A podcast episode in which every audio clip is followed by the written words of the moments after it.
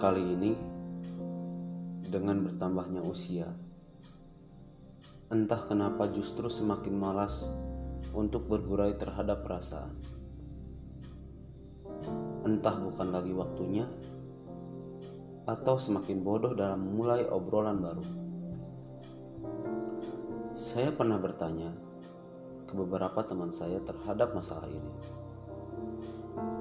Ada yang menjawab bodoh, ada juga yang menyemangati dengan jawaban usaha dan berdoa.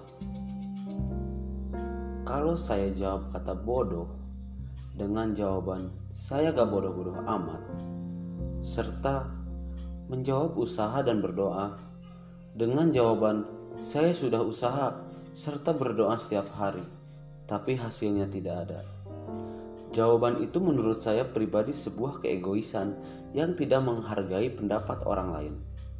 Yang jelas, dalam permasalahan ini, saya berpikir kembali pada diri dengan kata kenapa dan bagaimana, serta membuat acuan untuk memulai kembali, entah itu dengan cara memperbaiki atau dengan memulai sesuatu yang lebih dari sebelumnya.